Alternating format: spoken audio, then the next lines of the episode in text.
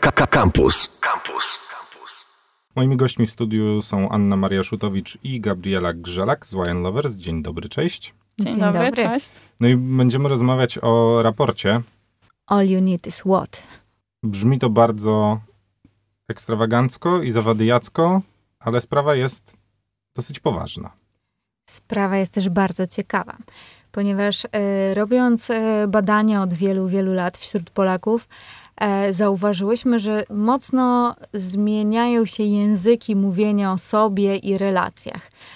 I Gabrysia pewnego dnia powiedziała: nie, no musimy w ogóle zbadać miłość. Jesteśmy Wyant Lovers. Musimy wiedzieć i powiedzieć ludziom, dlaczego zmienia się język mówienia o miłości, co tu się wydarzyło. Nie chciałabym, żeby to brzmiało jak pyk, bo było ciężko i trwało to bardzo dużo czasu, ale zrobiliśmy świetne badanie. Tak, to prawda, udało nam się. Badani byli boomersi, czyli ludzie w wieku od 55 do 65 lat, no i nasi kochani milenialsi 25-35. Czy to są Dlaczego takie grupy? To są dwa pokolenia, rodziców i dzieci. E, boomersi oczywiście będą rodzicami, którzy urodzili milenialsów, wychowywali ich. E, chciałyśmy uchwycić tą nie tylko zmianę kulturową, wychodzącą z tego czasu społecznego, czasów, w których dorastamy, które nas ukształtowały, ale też tą zmianę tego czasu indywidualnego, czyli tą taką e, no po prostu wiekową, tak? Bo w różnym wieku trochę zmienia się no, nasze też e, możliwości, żeby okazywać miłość. No więc jak, jak kochają boomersi? E, boomersi, miłość boomersów e, jest dosyć pragmatyczna, co nie znaczy, że jest zupełnie pozbawiona romansu. Oni okazują sobie uczucia dbając o drugą osobę, czują duże, duże, dużą potrzebę okazywania takich no właśnie takich gestów miłosnych, czują dużą odpowiedzialność do drugiego partnera, łączą się trochę na całe życie. To jest bardzo w ogóle ciekawe, jak boomersi, czyli te osoby 55-65-letnie opowiadały o początkach swoich miłości, o tych pierwszych poważnych miłościach, o pierwszej prawdziwej miłości, często jedynej. Bo oni opowiadali taką historię e, czasów niedoboru w dwóch znaczeniach. To znaczy, że wokół mnie byli ludzie i tych najatrakcyjniejszych, te najlepsze partie, w ogóle polityka dobrej partii, trzeba było szybko zaklepać, bo inaczej ktoś inny to zrobi. Później trzeba było ich utrzymać. Na ogół trzeba było szybko wziąć ślub, ponieważ inaczej przez kolejne 10 lat nie byłoby możliwości lokalowych, żeby miłość konsumować, e, a tylko po ślubie można było w domu rodziców e, tutaj e, swoje namiętności przeżywać. przeżywać. Ale to, co też opowiadają, co jest super ciekawe, to to, że to była miłość w trudnych czasach, że kiedyś było trudno. No przecież ten PRL koszmarny, koszmarne, tragiczne czasy przecież. Ale słuchaj, no. ale naprawdę, w sensie, nie chodzi o to, że wiecie, zimy były ciężkie, ale chodzi o to, że jak poznałeś kogoś, do kogo nie miałeś blisko, no to nie miałeś z nią, z tą osobą żadnego kontaktu. Więc siłą rzeczy e, ta miłość musiała być, ta osoba, twój obiekt miłości musiała być jednak zlokalizowana bliżej. Więc nie było wtedy fantazji o tym, żeby ta osoba, tak jak ty, po prostu jarała się tatuażami, nie? Czy w ogóle jarała się tym samym, no bo ludzie się nie jarali takimi e, bardzo różnicującymi rzeczami. Co z kolei e, widzimy u milenialsów. Tutaj miłość jest jakimś takim no, poszukiwaniem swojej po prostu idealnej połówki, która tak do mnie przylgnie, będzie mnie rozumiała, uzupełniała i będziemy żyć w tym samym No tak, będziemy mieli dokładnie te same zainteresowania, będziemy rano wychodzić na bieganie, potem będziemy zdrowo się odżywiać, a wieczorem skoczymy sobie na tango, a jak nie na tango, to na ekstrawaganckie kino rumuńskie. No dobra, bo jesteśmy w Radiu Campus, ale inni po prostu będą cisnęli YouTube'a i mieli gastrofazę i to też będzie lifestyle. No nie, ale w sensie, że szuka, no milenialsi szukają takiej osoby, która by im w tym towarzyszyła. W sensie nie będą próbowali zmieniać kogoś najprawdopodobniej, tylko jeżeli im się ktoś nie spodoba, nie ułoży, no to, no, to innego sobie znajdę. Hmm o tej zmianie świetnie e, opowiadała Justyna Mazur, która e, prowadzi e, bloga i jest w ogóle takim węzłem spajającym różne potrzeby zwykłych ludzi, którzy potrzebują wylać z siebie swoje troski. Ona powiedziała coś takiego, że faktycznie, że w ogóle miłość to jest orka na ugorze, tylko tak jak boomersi, kobiety boomersów wychodziły z takiego przeświadczenia, że męża trzeba sobie wychować, to znaczy nie będzie zdradzał i będzie generalnie tutaj po sobie talerz do zlewu odnosił. O tyle e, dziewczyny z pokolenia milenialców, one też jakby tyrają, tylko one muszą nauczyć tych mężczyzn nazywania swoich emocji. E, one muszą nauczyć ich rozumienia swoich potrzeb i to też jest straszna charuwa. Kto rządzi? I u boomersów, i u milenialsów. Bo jeszcze trzeba sobie odpowiedzieć na jedno ważne pytanie. Jak to jest? Czy rządzi facet, czy rządzi jednak kobieta? To znaczy, jeżeli ci ludzie już łączą się w pary, to kto ma więcej do gadania? No jeżeli chodzi o boomersów, to tam role są ściśle określone. Jeżeli chodzi o domowe sprawki, porachunki, e, to tymi zajmuje się kobieta. Jeżeli chodzi o poważniejsze rzeczy, jak na przykład samochód, remont, tym zajmuje się mężczyzna. I to jest z góry określone, nikt nie wchodzi sobie w kompetencje. Jeżeli chodzi o milenialsów, no to tutaj każdy ma coś do powiedzenia i każdy chce się w jakiś sposób wykazać, e, więc te kompetencje się trochę przenikają, łączą. E, często są też niewystarczające, e, ale tak naprawdę nie ma tam jednej rządzącej osoby zazwyczaj, tak? E, czasem to może być kobieta, czasem to może być mężczyzna. Jeżeli chodzi o obowiązki domowe, to tutaj też często widzi się, że te milenialsówy są trochę takimi menadżerkami domu. To znaczy, że to mężczyzna oczywiście będzie wykonywał prace domowe, ale dopiero wtedy, gdy przypomni mu o tym kobieta i ona trochę zarządza tym takim nadal przestrzenią domową. Menadżerka. Ale, ale tak. wiesz, jak pytasz o to rządzenie, to też chyba tutaj bardziej chodzi, bo różnie może się ułożyć w związkach, ale nas bardziej interesuje, e, jak zmiana języków pokazuje zmianę kulturową. I e, relacje boomersów są opowiadane jako pewne gry. E, my robimy to, ty robisz to, nie wszystko sobie mówimy i to jest okay, bo to jest właśnie to miłosne napięcie. Gramy w gry, e, w miłosne gry. E, natomiast milenialsi mają takie pragnienie transcendencji, to znaczy takiego, wiesz, wszystko mówimy, rozumiemy głębie swego serca i swojej duszy wzajemnie. My się tak czujemy.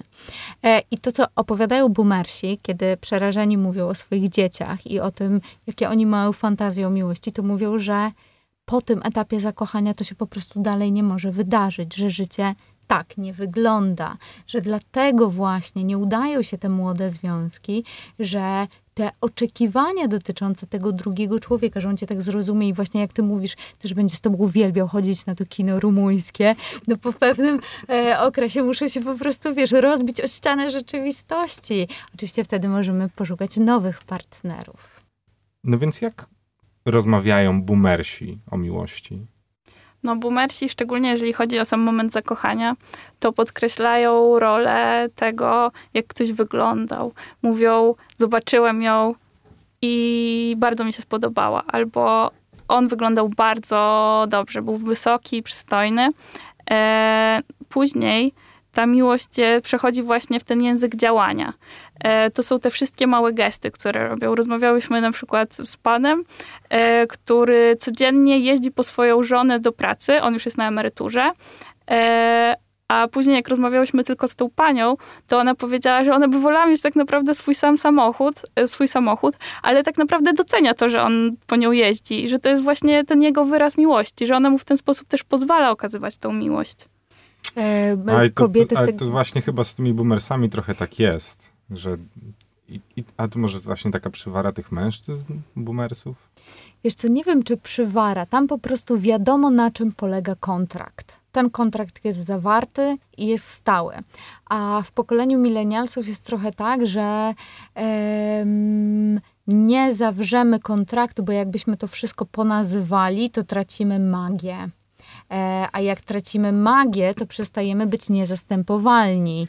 E, a Oczywiście jest taka bardzo niesprawiedliwa beka z pokolenia milenialców, że jednorożce, ale prawda jest taka, że z kolei wśród y, w tych wywiadach z milenialsami bardzo często y, ludzie opowiadali nam o takiej przykrej sytuacji, że są z kimś, oni są z kimś i być może tą osobę kochają, ale to chyba nie jest to, że może się wydarzyć coś jeszcze większego, że oni nie czują tego czegoś, że to jest ten ktoś.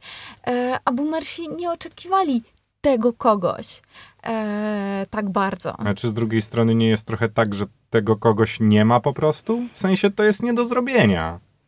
Tak mi się trochę wydaje. No bo szukanie wyidealizowanej drugiej połówki przecież mija się totalnie z celem. No życie to nie amerykański film romantyczny. No, one się bardzo zmieniły, te romantyczne filmy e, też, ale faktycznie jest tak, że potrzebujemy kogoś e, na miarę naszej wyjątkowości. No to oczywiście e, też jakby popkultura i reklamodawcy nam to opowiadają, wiecie, no jakby bardzo ładnie to widzimy na przykładzie komunikacji Axe. No kiedyś było tak, że się zaliczało spadające anioły, a Borys sobie klikał w windzie, ile ich zaliczył, a dzisiaj każdy mężczyzna musi odkryć swoją magię. To może być bardzo duży nos, ale to jest jednak o tym, że, że żeby być kochanym, to ogromne napięcie. Żeby być kochanym, musisz być jakoś tam wyjątkowy.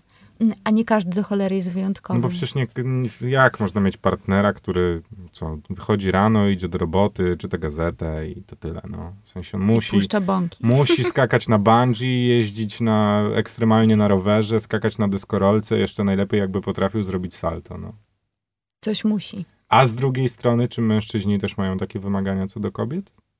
To jest kwestia tego, że zawsze na horyzoncie może być ktoś bardziej.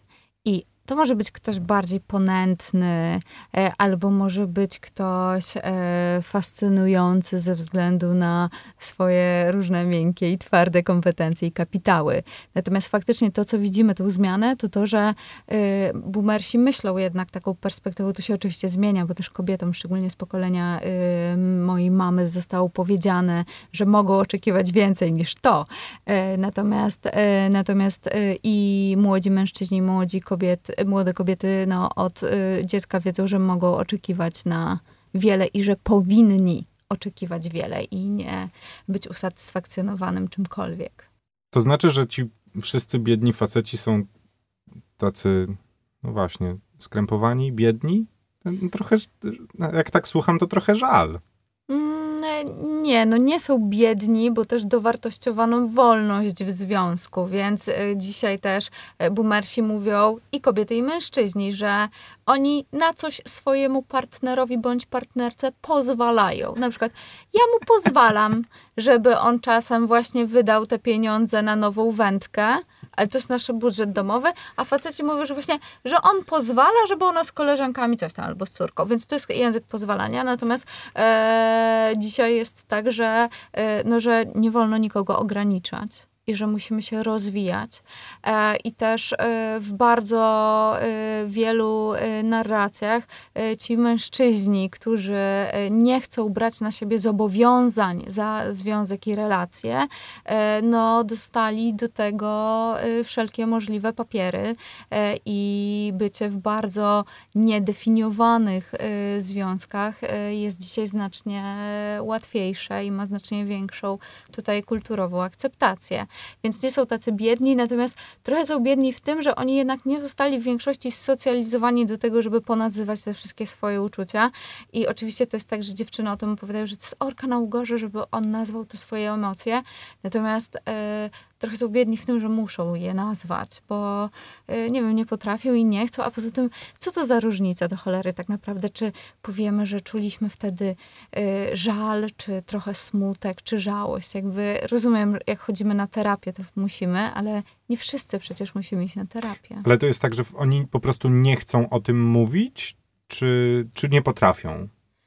Nie chcą i nie potrafią. No to straszne zawracanie żeby, żeby ponazywać wszystkie swoje emocje, jak w tym czasie można pooglądać film. No tak, albo pograć na konsoli. Czy cokolwiek. Po co będziemy się sprzeczać? Gdzie po cały raport? Po cały raport zapraszamy na naszą stronę internetową ylove.rs lub na naszego Facebooka Wind Lovers. Anna Maria Szutowicz i Gabriela Grzelak, Wind Lovers. All you need is what? Taki był temat naszej rozmowy. Bardzo dziękuję. Dzięki. Dzięki miłości. Campus. Same sztosy.